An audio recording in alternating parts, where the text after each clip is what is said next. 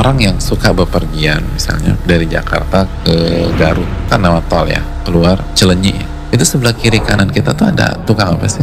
Tahu Sumedang kan ya? Itu tahu semua dari ujung ke ujung tahu.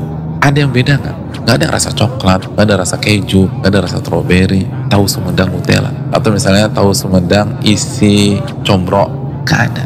Semua sama dari ujung ke ujung semua tahu Sumedang. Dan rasanya bagi saya sih hampir sama aja lalu kalau kita ke sana terus begitu lewat eh ada tahu nih ada tahu lagi jadi terbesit oh pengen beli tahu Antum pas lewat situ langsung orang mendadak gitu, cit gitu, terus mundur lagi. Kan enggak. Tanya dulu sama istri atau sama anak, mau tahu enggak? Uh, boleh, tanya anak-anak deh. Anak-anak mau tahu enggak? Aku mau, aku mau. Enggak, enggak, aku enggak mau. Terus itu kan waktu jalan kan. Dan itu sudah tukang tahu ke 11. Lewat dulu, eh tukang tahu yang ke 17. Rezekinya tuh tukang tahu ke 17.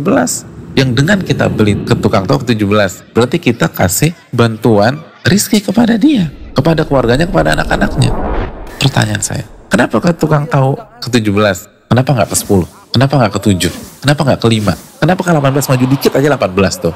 Ini menggerakkan hati kita. Kalau bukan Rabbul Alamin. Tidak ada penolong bagi seorang hamba untuk mendapatkan maslahat agamanya dan dunianya kecuali Allah Subhanahu wa taala. Cuma kita yakin apa enggak?